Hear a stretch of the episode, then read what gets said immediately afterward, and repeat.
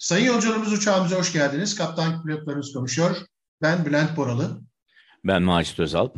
İkinci yayın dönemimizin bu ikinci kaydında sizlerle havada kaybolan uçaklarla ilgili konuşmak istiyoruz. Buna spesifik olarak da Malezya Havayolları'nın 8 Mart 2014'te kaybolan uçağına ilişkin fikirlerimizi, bilgilerimizi sizlerle paylaşmak istiyoruz. Yeni bir komplo teorisi yazmadan veya komplo teorilerine belki cevap olabilecek, siz değerli yolcularımızın kafasında oluşabilecek soruları iki pilot gözüyle nasıl değerlendiriyoruz, bunlara nasıl yaklaşıyoruz, nasıl ele alıyoruz konusunda fikirlerimizi sizlerle paylaşmak istiyoruz.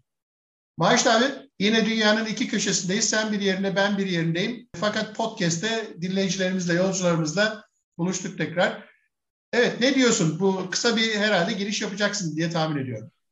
Bülent tabii ki yaklaşık 9. yıl dönümüne geliyor maalesef bu kaza. Ben buradaydım Dubai'de olduğu zaman. Kazanın olduğu dönemi çok iyi hatırlıyorum. Soruları sormaya başladım nasıl olur diye. Tabii ki bir sürü düşünceler var aklımızda ama kazanın oluşundan bu zamana geçen 9 yıl içerisinde bir sürü araştırmalar yapıldı. Bugüne kadar dünya havacılık tarihinin en fazla uçak arama işlemi bu kazayla yapıldı. Yaklaşık 120 bin kilometrelik bir alanı düşünün. Yani Türkiye'nin 780 bin e, kilometre kare bir alan olduğunu düşünürseniz neredeyse bir altıda biri civarında bir arama yapılmış alanda. Olayın tabii oluşu çok ilginç. Nasıl olduğu konusunda bir sürü şüpheler var. Bazı bulgular var elimizde, bazı bulgular var söylenti. Bazı komplo teorileri var. Bunlara tabii ki itibar etmeyeceğiz ama ortalıkta dolaşan bazı olaylar var. Bunları kısaca sizlerle paylaşacağız. Ee, önce abi senin bu bahsettiğinde şimdi kaza diye adlandırdın ya. Bu sorunun cevabını bir vermek lazım. Bu bir kaza mı? Kaza olarak adlandırılabilir mi? Sonuçta e, normal olmayan bir uçuş operasyonunun anormal bir şekilde bitmesi sonucu ne olduğu bilinmeyen bir işlem var. Bu kazadan başka bir türlü adlandırılamaz diye düşünüyorum. Çünkü sonuçta uçağın bir bir şekilde kaybolması söz konusu. Denize düştüğü büyük bir olasılıkla biliniyor uydu verilerine göre. Dolayısıyla bir düşme sonucu olan bir olay var. Kazadan başka bir şekilde adlandıramıyorum ben kendi adıma. Sen başka bir şey mi düşünüyorsun? Kaza olarak adlandırabilmek için kazaya ilişkin hususların ortaya çıkartılmış olması lazım. Ya da bu o uçağın kaybolmasının sonucunun sonuçlanmış olması lazım her ne kadar bazı parçalar bulunuyor gibi dense de bir takım şeyler söylense de muhtemelen burada bir fikir ayrılığımız olacak seninle. Henüz ben olayın üstündeki gizem perdesinin kalktığını düşünmüyorum. Düşünmediğim için de ben, ben de düşünmüyorum kaza ama... olarak kaza olarak hani son noktası konulmuş, son kararı verilmiş ya da son yargısına varılmış bir olay olarak değerlendirilmesine karşıyım. Çünkü kaza deyip kapattığımızda süreç biter. Bu sürecin Yo, bitmez. bitmemesi gerektiğindeyim. Bitmez. Kaza üzerinde gizem hala kalkmadı. Sonucu gizemi açıklansın ya da açıklanmasın. Sonuçta normal olarak çalışmayan bir uçağın hala operasyonu yürütememesi sonucu ortadan kaybolduğu bir gerçek. Bu gerçeğin sonucu da bu bir kaza sonucu oldu. Kazanın olması istenilerek yapılır ya da istenmeyerek yapılır ama yani burada işte pilotların isteyerek bunu yarattığı ya da efendim düşürüldüğü ya da bir hava üstüne kaçırıldığı, orada yok edildiği şeklinde bir takım görüşler olsa da sonuçta e, ortaya çıkmayan, ne olduğu belirlenmeyen, henüz daha gizemi başta da söylediğimiz gibi çıkmayan bence hala bir kaza. Yani kaza olması için illa bir şeyin sonuçlanması gerekmiyor ben diye düşünüyorum. Kaza, kazadan ziyade bilinmeyen bir olay olarak sınıflandırılması tarafındayım. Dolayısıyla bilinmeyen bir olay olarak sınıflandırıldığında bilinen hale getirmek için her türlü çabanın devam ettirileceğine dair beklentilerim var. Ama çok da önemli. Günün sonunda kazanın sonuçlarına baktığında bu bilinmeyen olayın da sonuçları aynı noktaya varıyor. O anlamda hani bir polemikten ziyade sadece adlandırmasının hukuksal karşılığı olarak nedir onu bilemiyorum ama o şekilde olduğunu düşünüyorum. Peki Bülent, pilotların bu olayın olmasındaki payı nedir sence? Ne düşünüyorsun? Önce istersen kazayı şöyle bir ya da olayı şöyle kısaca bir anlatalım. Ondan sonra da ilerleyelim mi? Ne dersin? Ama bence işte burada pilotların öncelikle bir kim oldukları konusunda bir konuşalım. Ondan sonra kazanın gelişimine bakalım. Fikrin var mı pilotlar hakkında? Bir tanesi kaptan pilot Malezya Hava Yolları'nda Boeing 777'de kıdemli bir kaptan. Havacılığa meraklı, kendi evinde de e, simülasyon çalışmaları yaptığına dair bilgileri olan hatta kazaya dair bazı şeylerin evindeki simülasyonda da bulunduğuna dair bilgiler olan aslında çevresiyle uyumlu, problemi olmayan, maddi manevi problemi olmayan hemen bir, bir girdi yapayım. Bu, hemen bir girdi yapayım. Bu simülasyonla ilgili çeşitli spekülasyonlar var ama bunların hiçbir şekilde bu uçuşla alakalı olmadığı sonradan gerçek olarak ortaya kondu hukuksal açıdan. Onun için bu bunları okuyan veya dinleyen varsa lütfen bu konuyu hani pilot simülasyonu yapmış ama bu yaklaşık çok 5-6 yıl önce yaptığı bir e, kendi adına e, planladığı bir uçuş ve bu uçuşun da olan olayla hiç alakası olmayan bir paterni var. Hatta en son simülasyonda evindeki simülasyonda o uçuş yapacağı Malezya Kuala Lumpur Beijing uçuşunu simülasyonu var ki bakınca e, o simülasyonda o rotada nelerle karşılaşabileceğine dair önceden acaba bir şey yapmış, bir çalışma mı yapmıştır diye profesyonel bir düşünce yaklaşımıyla evet. e, ele bile alınabilecek bir şey. First Officer'da yaklaşık 3000 saat uçuşu olan Boeing 777'ye yeni upgrade olmuş bir First Officer. Dolayısıyla ekibin bu olayda hani Germanwings kazası gibi intihar etmiş pilot veya Mısır Hava Yolları'nın intihar eden uçaktaki yöneticiye haddini bildirmek için ya da intikamını almak için intihar eden pilot şeklinde bir olaydan olayla bağlantısını çok kurulamadığına ilişkin bir şey var. Evet ben de ee, katılıyorum sana burada. Kaptan pilotun yaklaşık 18 bin saat uçuşu var. Yani 1981 yılında kadet olarak başladığı şirkette 1991 yılında kaptan olmuş. Ondan sonra da hem instructor, öğretmen hem de denetleyici, examiner olarak uçuyor. TRI ve TRE adını verdiğimiz. Kontrol pilotu. Kontrol pilotu olarak uçuyor ve söylediğin gibi yanındaki genç arkadaşının da yaklaşık 3000 saate yakın 2700 küsürlerde uçuş saati son eğitim uçuşu.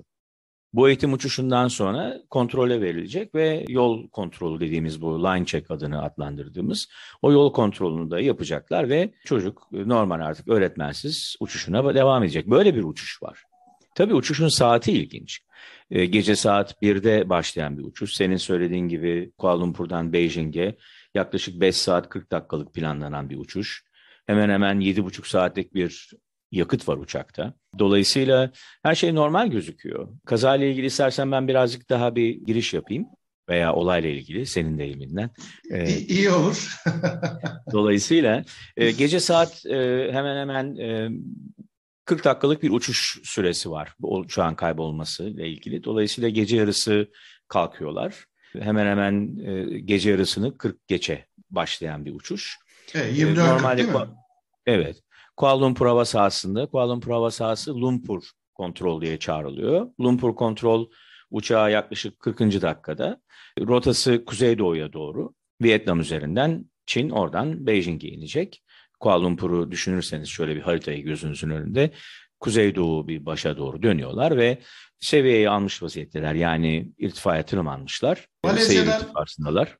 Malezya hava sahası orada Güney Çin Denizi üzerinde devam ediyor değil mi abi? Güney Çin Denizi evet, üzerinde. Evet oradan, oradan Vietnam üzerinden kuzeye devam ediyor. Şimdi burada e, Ho Chi Minh adı verdiğimiz yani bizim bildiğimiz e, Vietnam'daki Ho Chi Minh e, Saigon eski adı, adıyla Ho Chi Minh kontrola devrediliyor. Yaklaşık gece 1'i 20 geçe son olarak kaptan konuşuyor. Demek ki uçan yanındaki first officer Kaptan konuşmaları yapıyor. Frekansa değiştiriyorlar. Frekans değiştirdikten sonra başka bir konuşma olmuyor. Ho Chi Minh, Ho Chi Minh aramaya devam ediyor uçağı. Yaklaşık 1.22, yak 3-4 dakika. Ondan sonra uçak son konuşmayı bitiriyor. Ve bundan sonra da keskin bir dönüşle yaklaşık 110 derece geriye dönüşle bu sefer batı istikametine dönüyor. Evet. Uçağın dönüşü bu. Şimdi bu keskin Hı-hı. dönüş bana şunu gerektiriyor. Bir şey oldu orada. Yani uçakta bu keskin dönüş biliyorsun biz anormal durumlar konuştuğumuz zaman uçakta hemen başımıza gelebilecek olaylarda en yakın uygun meydana inişi planlarız. Şimdi bu aklıma benim o zaman da o gelmişti. Bugün bunu hazırlanırken de düşündüğümde ne olabilir de bu 110 derece dönüş yapar bu uçak diye düşündüm. Ama dönüş yapsa bu sefer yaklaşık 180 derece geriye dönmesi lazım ki kalktığı meydana geri dönsün. Kuala Lumpur meydanına. 120 derecelik bir dönüş yapıyor ve Penang Yarımadası'na doğru. Oradan tekrar bu sefer batılı başa dönüyor hemen hemen 270 başa. Ve bu arada uçakla ilgili çeşitli temaslar devam etmeye başlıyor. Hava radarı yani ATC'nin radarında uçak görülmesi saat 2.22'ye kadar. E, yani hava trafik kontrolörleri ekranlarından kayboluyor ama askeri radar izlemeye devam ediyor ve bir saat boyunca uçağı izliyor. Hava trafik kontrolü yani, radarından niye kayboluyor peki abi? Çünkü şöyle uçaklarda dinleyicilerimize söylüyoruz. Dinleyicilerimize bir, biraz teknik anlamda destek olalım. Podcast'ın başında benim adım Bülent, benim adım Macit dediğimiz gibi her uçağın da sistemde uçuşa başladığında kendini tanımladığı kodlar var. Bu kodlar uçağın bütün bilgilerini hava trafik kontrollerine aktarıyorlar. Hele son sistemlerde artık Dijital irtifa olarak. bilgisini, her şeyi oraya giriyor. Dolayısıyla uçakların tanımlanması sistem sayesinde yapılıyor. Dolayısıyla burada kaybolmasının bir nedeni olabilir. Hı hı. Sistemin çalışmaz hale getirilmesi yani OF'a döndürülmesi veya... ADSB ya da transponder diye adlandırdığımız uçağın kimliğini alttaki radara iletip radar skabında iz olarak takip etmesini sağlayan aletimizin kapatılmış olması deniyor değil mi? Tabii sadece bu değil bir de kontrolörle pilot arasında data link adını verdiğimiz başka bir kontrol ünitemiz daha var. Bununla evet. ilgili de biraz sonra bahsedeceğim uçak çeşitli seferler bu uydu üzerinden ve havada haberleşme sistemi üzerinden birbiriyle temas etmeye çalışmış. Uydu üzerinden uçakla temas edilmeye çalışmış. Bir takım geriye dönüşler olmuş ama hiçbirinde pozitif ses kontrolü ya da uçağın pozisyonuyla ilgili çok fazla bir bilgi gelmemiş. Devam edeyim. Bir saate Peki. yakın askeri radar devam ha, etmiş. Bir dakika bitireyim. Ee, ondan sonra askeri radarda biliyorsun askeri radarlara hava trafik radarları yani sivil radarlar çok fazla bilgi aktarmazlar. Yani uçakla ilgili. O hava askeri radarlar da bu sefer kendi radarların özelliklerini ortaya koymamak için maalesef bir takım bilgileri ne kadar gördüklerini anlatmazlar. Şimdi burada bir, bir takım böyle bir koordinasyonsuzluk var benim gördüğüm kadarıyla. Sivil radar arasındaki fark nedir? Sivil hava trafiğini yöneten radarlar sivil hava trafik radarları. Askeri e, trafik... Teknik e, anlamda? Teknik anlamda e, yani neyi sivil, sorduğunu tam anlamadım. Şunu kastediyorum abi. Sivil radarlar biliyorsun dijital olarak haberleşerek ATC'nin radar skobunda biz dijital olarak iletilmiş bilgiyi görüyoruz. Askeri radarlarda ama, da var bu lens ama var. askeri radarları görebilmesi için bu trafik kodunun onlarda olması lazım. Birincisi o, e, onu görebilme kabiliyeti var. Bir de askeri radarlar gerçekten sinyal gönderiyorlar değil mi? O sinyalden geri dönüşü alıyor. Fiili olarak tabii. orada tanımlıyor. Tabii, Dolayısıyla tabii, askeri aynen. radarla şey arasındaki fark burada. Zaten hani radar skobunda Biri sentetik, birisi e, gerçek görüntüler olarak geliyor. Evet.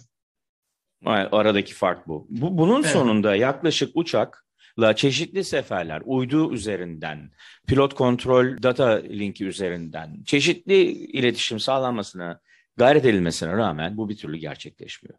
Ve uçak yaklaşık aynen demin e, biraz evvel söylediğim gibi 7 saatlik uçuş süresinin sonunda Hint Okyanusu'nun e, üzerinde bir yerde kayboluyor.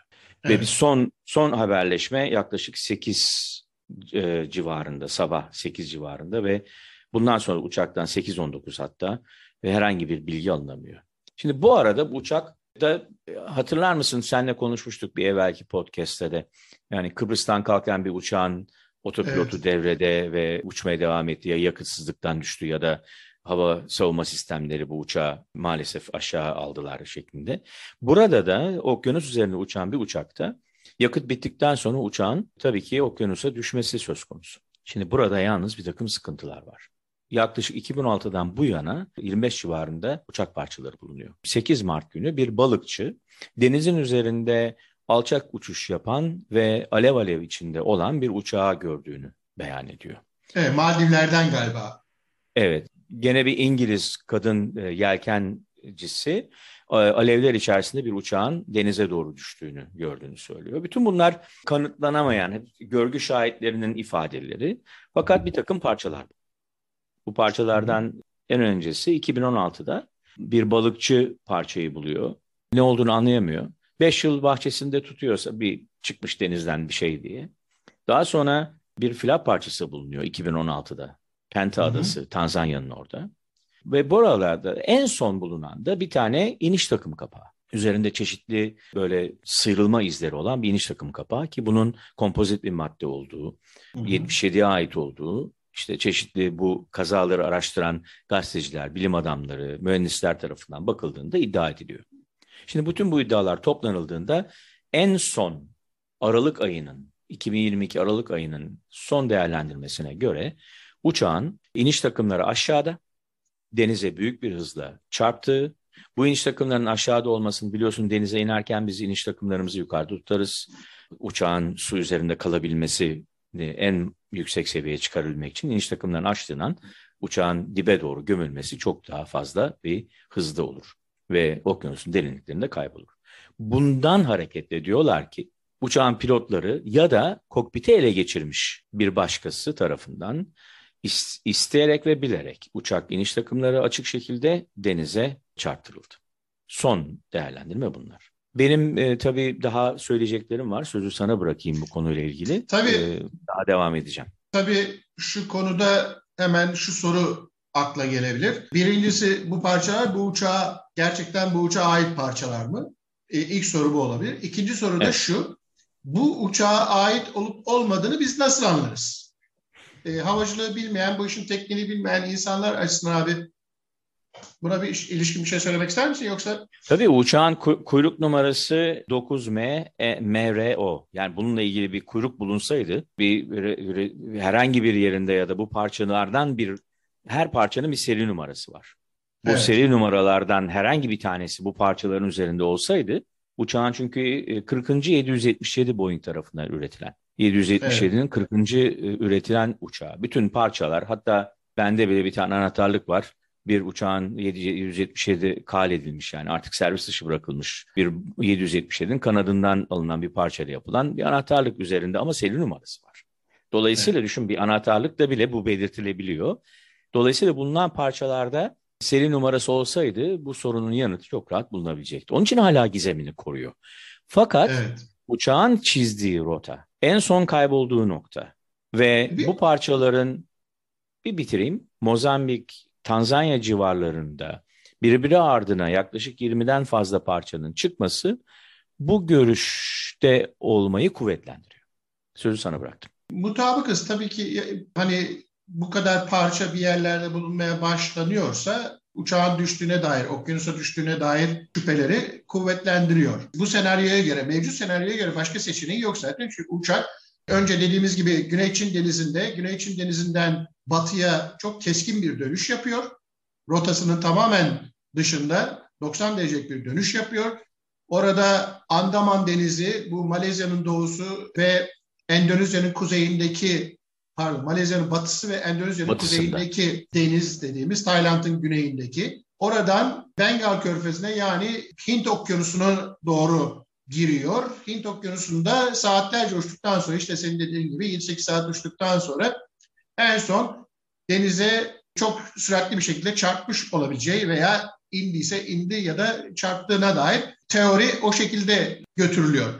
Şimdi deminki soruya gelirsek bir kere bir uçak üzerine hiçbir parça tesadüfen takılmaz ya da bir uçak üzerine takılan ne varsa uçak üzerindeki bütün malzemeler böyle önemli malzemelerin tamamının bir kimlik numarası vardır ve kimlik numarası olmadan bir parça takılmaz. Bu kadar bulunan parça yaklaşık 25-26 tane dediğin gibi büyük parçalar bulunuyor. Bunlarda kimlik numarası yok. Yani parça numarası yok. Aslında bulunan üç tane büyük parça var Bülent. Diğerleri irili ufaklı parçalar. Yani üç büyük parça evet. üzerinden bu ona, ona ait olduğuna dair şeyler var. E, kaybolan uçak dolayısıyla bulunan parçalar kaybolan uçağın da parçalarıdır şeklinde bilgiler birleştiriliyor. Hani baktığımızda bunca zaman içinde ve bu kadar büyük bir süre içinde bu teknolojide, bu uydu teknolojisinde ne kadar şiddetli çarparsa çarpsın bu uçaktan okyanusta bir yerlerde parça bulunamıyormuş olması hala soru işaretlerini havada tutuyor. Zaten işin üzerine bir mistik unsur koyan da bu oluyor. Evet yani tabii burada şuna bakmak lazım. Kötü hava koşulları yok. yok. Uçaktan gelen bir biz e, şöyle problemimiz var, böyle problemimiz var. Herhangi bir emergency call adını verdiğimiz öyle bir emergency deklar edilmemiş. Yok. Pilot kontrolör veya hava trafik kontrolörü ya da pilotun dijital olarak aşağıya bilgi verebileceği sistemle ilgili herhangi bir mesajlaşma yok. Sadece uçakla uydu üzerinden bu sistemden bir iki kere logon adını verdiğimiz yani bilgisayar kullandığımız zaman bildiğiniz yani bilgisayarda bir e, web sitesine girdiğiniz zaman yaptığınız işleme logon diyoruz. Bu aynı şekilde biz de havada yapıyoruz. Uçakla sistem birbiri arasında böyle birkaç kere iletişime geçmeye çalışmış. Uçaktan da yanıt gelmiş ama uçağın kendisinden gelmiş, pilottan gelmemiş. Burada hem bu e, transponder adını verdiğimiz uçağa tanıtıcı sistemin hem de bu bilgi verici pilot kontrolör bilgi aktarma sisteminin bir şekliyle pilotlar tarafından ya da başka birisi tarafından ortadan kaldırıldığı yani ofa getirildiği düşünülüyor. Bunu nasıl yapabilir? Bunu yapabilmesi için tabii ki bir elektronik kompartmana inmesi gerekiyor. O da arkada yolcu tarafında. O kompartmana uçuş sırasında değil bizim yerde bile inmemiz e, aslında yasak. E, bakıyorum e peki bir, pilotların bunu yapması hiç bir neden bir var mı? 77 pilot olarak oraya ulaşabilme şeyiniz var mı uçakta abi? Var ama yani İmkan. oraya hiçbir şekilde oraya inmek için yani kokpitin dışına çıkıp bir kapağı evet. açıp o kapaktan aşağı öyle bir olay yok yani. Evet. Öyle bir fiziksel olarak fiziksel olarak ulaşabilme imkanı var mı oraya? Ulaşabilir. Evet. Okey. Evet. Ya ama buraya bir başkası uçakta arka tarafı ele geçirmiş. Oraya açıp onun o bölgeye inip onu yapmış olabilir mi? İşte bilinmeyenlerden bir tanesi de bu. İki tane, Dolayısıyla iki tane sahte pasaportlu uçağın yolcu var biliyorsun. Evet var fakat onların bir olayla ilgisi olmadığı ortaya çıktı. Çinliler var, altı Avustralya vatandaşı evet. var. Avustralya bu araştırmayı yeniden devreye koydu. Yeni su altı araştırma sistemleriyle bakıyor ve uçaklarla ilgili tabii bir takım değişiklikler yapıldı. Gerek kokpit gerekse uçuş kayıt sistemlerinin bataryalarının daha uzun ömürlü olması, su altında uçağın yerini belirten sistemin bataryasının günlerce değil belki birkaç ay boyunca çalışacak şekilde bir güçlendirme yapılması ve uç, okyanus üzerinde uçan uçakların ana merkezde haberleşmesini pilotun veya bir başkasının inisiyatifine bırakmadan sağlayacak kontrol unsurları geliştirildi bu kazadan sonra. Dolayısıyla Hı. haberleşme ve raporlaşma sistemleri değiştirildi ama bunların hiçbir tanesi bu 370 sefer sayılı uçağa ne olduğunu hala ortaya koymuş değil. Evet, hala üzerinde soru işaretleri devam ediyor. Aydınlatılana kadar da devam etme, devam edecek. Peki uçakla ilgili şöyle bir baktığımızda mesela insanların aklına şu soru geliyordur muhtemelen. Uçakta dışarıya açık iletişim unsurları var. Bunlardan bir tanesi bir tanesi internet gibi işte AKARS dediğimiz dijital haberleşme yöntemlerinden bir tanesi. Bir tanesi işte senin de demin biraz önce bahsettiğin gibi data link adını verdiğimiz bir iletişim sistemi gibi. Bunlar dışarıdan uçağa e, Boeing 777 veya günümüzün son jenerasyon uçaklarına baktığımızda bunlar çok elektronik uçaklar. Kumandaları dijital olarak kumanda edilen uçaklar. Bilgisayar sistemleri çok yoğun bir şekilde sistemlerin içine girmiş durumda. Artık hani kablolar şunlar bunlar kalktı. Bilgisayarlar vasıtasıyla elektronik olarak yönetiyoruz uçakları. Bu kadar elektronik, bu kadar bilgisayar teknolojisi, bu kadar dışarıya açık, internet veya diğer vasıtalarla dışarıya açık Dışarıdan bir uçağın ele geçirilebilmesi mümkün müdür acaba? Bülent tabii başta söyledin ya bu 40. üretilen 777 yani teknolojisi tabii ki yazılımlarla ve donanımlarla aktarılıyor ama hani bugünün aradan 9 yıl geçen bir zamana bakarsak bugün uçaklarıyla o 9 yıl önce bile çok fark var. Ee, benim e, bu sorunun yanıtını tam olarak vermem mümkün değil. Ama şöyle bir yaklaşımda bulunayım. Ben bunun nedenlerini düşündüğümde hatırlar mısın Halifax'tan kalkan İsviçre Hava Yolları'nın MD-11 uçağı vardı. Evet. Bu MD-11 uçağında kokpit içerisindeki oksijen e, sisteminden başlayan yangın çok kısa sürede gelişti ve maalesef yolcularıyla beraber meydana dönem yetişemeden bütün kaza sonucu herkes hayatını kaybetti. Aslında yapılan simülasyonda erken dönseler bile 11 dakika içerisinde uçağın bu kaza sonucu ortadan e, kalkacağı e, bulunmuş simülasyonda. Yani kazanın gerçekleşeceği bulunmuş. Şimdi benim aklıma böyle bir olay geliyor. Kokpit içerisinde ani dönüşün başlaması, bir hipoksiya ya neden olabilecek yani oksijen azlığı ya oksijen sistemindeki bir problemden dolayı. Çünkü o irtifa yaklaşık 30 binin üzerinde çok fazla bir zamanınız yok faydalı şuur zamanı için. Yaklaşık 22-23 saniye. Oksijensiz kaldığınız zaman. Oksijen sistemindeki bir arızanın bu pilotlarda bir oksijensiz kalma, yedek tüpleri alamama ki yolcuların e, ne durumda olduğunu bilmiyoruz tabii ki. Arkadan hiçbir müdahale e, olmamış mı? Hani böyle bir durumda kabin ekibi pilotlara ulaşmaya çalıştığında çünkü emergency içeriye giriş usulleri var. Bunları uygulamamışlar mı? Peki o kabin ekibi ne yaptı? Yolculara da mı bir problem oldu? Yolcular da mı bir kesif bir acaba duman, yangın, kabin içerisinde olan bir olayla böyle gitti? Peki o halde uçak böyle bir olayda nasıl uçtu? Yaklaşık 7 saat. O kadar bilinmeyen var ki gerçekten dünya havacılık tarihinin en esrarengiz olayı diyebilirim ben buna. Uçağı birilerinin ele geçirmesi söz konusu olsa ele geçirdiniz de peki ne için ele geçirdiniz? Havacılık korsanlığı yaptınız. Terör evet, anlamıyla... Kimse sahiplenmedi. Kimse sahiplenmedi. Kimse sahiplenmedi. Evet. Uçağın taşıdığı kargodan endişelen veya bir söylenen bir sürü olaylar var.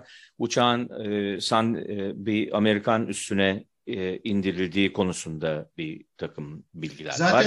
Ama bunların hepsi bir komplo teorisi.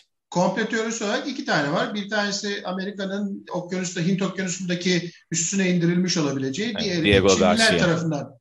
Evet, Diego Garcia ya da Çinliler tarafından Çin'e indirildiğine ilişkin. E, uçak zaten bir... Çin'e gidiyor Bülent. Beijing'e gidiyor. Olabilir. Niye gitsin ki yani? Çinler neden böyle? İşte komplo teorisinin iki unsuru olarak bakılabiliyor. Peki bu oksijensiz kalma ile ilgili zannediyorum kargodan kargoda taşınan lityum iyon pillerin devreye girmesi sonucu dendriskut olarak adlandırılan lityum iyon pillerin yanmaya başlaması, onların aktif hale gelmesi ve uçak içinde durdurulamaz bir yangınla yaklaşık herhalde 20 dakika civarı içinde o uçağın içindeki oksijeni de yok etmesi ve ekibin ve diğer yolcuların sinsice oksijensiz kalarak şuurları kaybetmiş olmasını kastediyorsun zannediyorum. Ee, öyle ama yani ben buradan e, gene çürüttüğüm bir nokta var. Eğer böyle bir yangın olsa uçak ne nasıl uçtu 7 saat? Yani böyle bir yangın söz konusu olsa. Yangın sonucu kumanda sistemlerinde problem olacak. Uçak çok daha erken bir okyanusa düşmeyi yaşayacaktı. Bu da olmadı. Dolayısıyla şimdi burada e, peki kaptanlar veya iki pilot uçağı düşürme niyetinde olsaydı hani bu iddia edenlerden iniş takımı aşağıda. Niye 7 saat beklediler ki? Yani 7 saat neden bekler? Veya niye okyanusun niye, karanlıklarında kayboldular? Bir, bir izahı yok. Yani bunun ailesi de maalesef tabii çok üzgün ve gerek e, bayrak, e, şirket uçak şirketinin gerekse tabii ki uçağı üreten firma tarafından günah keçisi olarak ilan edildiğini, ailenin bu konuda babası olan kaptanın hiçbir problem olmadığı, çok işte başarılı, profesyonel, mesleğine aşık bir pilot olduğu anlatılıyor. Dolayısıyla buradaki bilinmezler gerçekten çok fazla. Hani bu podcast'in sonucunda e ne oldu, ne anladık bundan derseniz inanın e, havacılık tarihinin en anlaşılmayan, hala bilinmeyeni çok fazla olan bir olayı bu, kazası. Olay ve kaza, ben öyle diyelim. Sonuçta hala daha bilinmeyen devam ediyor. Ümit ediyorum ki uçakla ilgili bazı verileri kullanabilecek bir parçaların bulunması bir takım bilinmeyenleri ortadan kaldırır ve bu kazada, bu olayda hayatını kaybeden tüm e, insanların yakınları, aileleri hani huzur bulurlar diyemeyeceğim ama en azından ne olduğunu anlayarak biraz daha belki hayatlarına devam etme konusunda güç bulurlar. Çünkü kolay değil. Değil. Hiç Kesinlikle kolay değil. kolay değil. Evet. Yani bir bilinmezle yaşamak çok zor. Ben de ben de şu şekilde ifadeyi sonlandırmak istiyorum. Bugün uçak kaybolması mümkün mü? Havada uçak kaybolması mümkün mü sorusunun cevabını verelim. Bir kaptan pilot olarak e, uzun yıllarını bu işe bu mesleğe vermiş bir insan olarak ömrünü bu işe vermiş bir insan olarak şuna inanıyorum ki havada uçağın kaybolması bugün mümkün değil. Bu olayın bir daha yaşanması yolda giderken yürürken düşerek ölmenizden çok daha küçük bir ihtimal. Başınıza gelme ihtimali neredeyse sıfır. Bir daha yaşanma ihtimali ben sıfır olduğunu düşünüyorum. O evet yüzden Bülent, alınan, insanlarda, alınan tedbirler aynen bunu sağlıyor. Doğru. Hem teknolojik olarak hem de yaşanma ihtimali anlamında bugünkü dünya düzeninde böyle bir şeyin yaşanmasının çok mümkün olduğunu düşünmüyorum. Evet bazı şeylerle ilgili komplo teorileri var. İşte uçaktaki taşınan kargo olabilir. İşte pasaport, e, sahte pasaportla uçan yolcu olabilir. Veya kaptanların intihar etmesine yönelik olabilir ki en fazla bunun üzerinde düş- duruyorlar. İşte son 25 yılda zannediyorum 3 tane kaptan pilot yorgunluk veya aşırı stres sebebiyle intihar etmişler. Havayolu pilotlarında intihar etmeye dair e, bu tür şeyler olduğuna ilişkin bilgiler de söyleniyor. Fakat günün sonunda ne olursa olsun veya Bülent şöyle bir veya Bülent şurada bir giriş olarak- yapayım. Dünya üzerinde kaç tane pilot var? Son 25 yılda hani hayatını bu şekilde kaybeden pilot oranına bakarsan bunun çok yüksek olmadığını düşünüyorum ama bir trend olduğunu görüyorum. Hani bunu Evet. böyle bir geniş manada bakarsak pilot sayısına, dünyadaki pilot sayısına karşı 25 yılda olan çok büyük bir rakam olmamasına rağmen hani bir böyle ürkütücü bir olay olmasın e, dinleyen. Tabii yani baktığında üç tane pilotun intihar etmesi hakikaten büyük bir olay değil. Fakat havacılıkta her şeyin etkisi çok büyük. Bir tane pilot intihar ettiğinde gerideki işte bir Boeing 757'de yaklaşık 450 kişi taşıyorsa 450 kişiyle birlikte intihar ediyor. Ya da e, German Wings kazasında Airbus 320 uçağıydı. Yaklaşık 170 kişiyle birlikte intihar ediyor. Uça- Yani edebilme potansiyeli var. Dolayısıyla uçakta kaç kişi taşıyorsanız onlarla birlikte intihar ediyorsunuz. Etkisi büyük oluyor. Bir kişinin olayı gibi değerlendirilse de etkisi yüzlerce kişiyi e, etkiliyor. O yüzden maddi manevi çok büyük etkisi olduğu için şey yapıyor. Toparlarsak şunu söyleyeyim. Bugünkü teknolojide havada uçağın kaybolması mümkün değil. İster Bermuda şeytanın üçgeninde uçsun, ister nerede uçarsa uçsun kaybolması mümkün değil. Kaybolan uçağın da bulunmaması mümkün değil. Diyerek ben kendi adıma son şeylerimi söylemek istiyorum abi.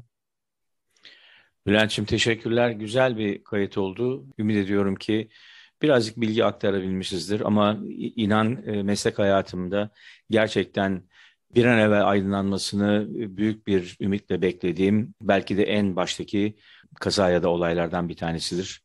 Tabii ki hiçbirimiz böyle bir olayın olmasını istemeyiz ama dünya döndükçe, havacılık oldukça maalesef bu olaylarla karşılaşıyoruz. Senin dediğin gibi ben de bir daha böyle bir olayın olmayacağını, alınan önlemlerle bunun ortadan kaldırıldığına inanıyorum. Her kaza bir öğrenilen dersleri getiriyor. Dinleyenlere çok teşekkür ediyorum. Bir sonrakinde buluşmak üzere diyorum. Hoşçakalın. Kabin ekibi iniş yerlerinize lütfen iyi inişler olsun. Görüşmek üzere, hoşçakalın.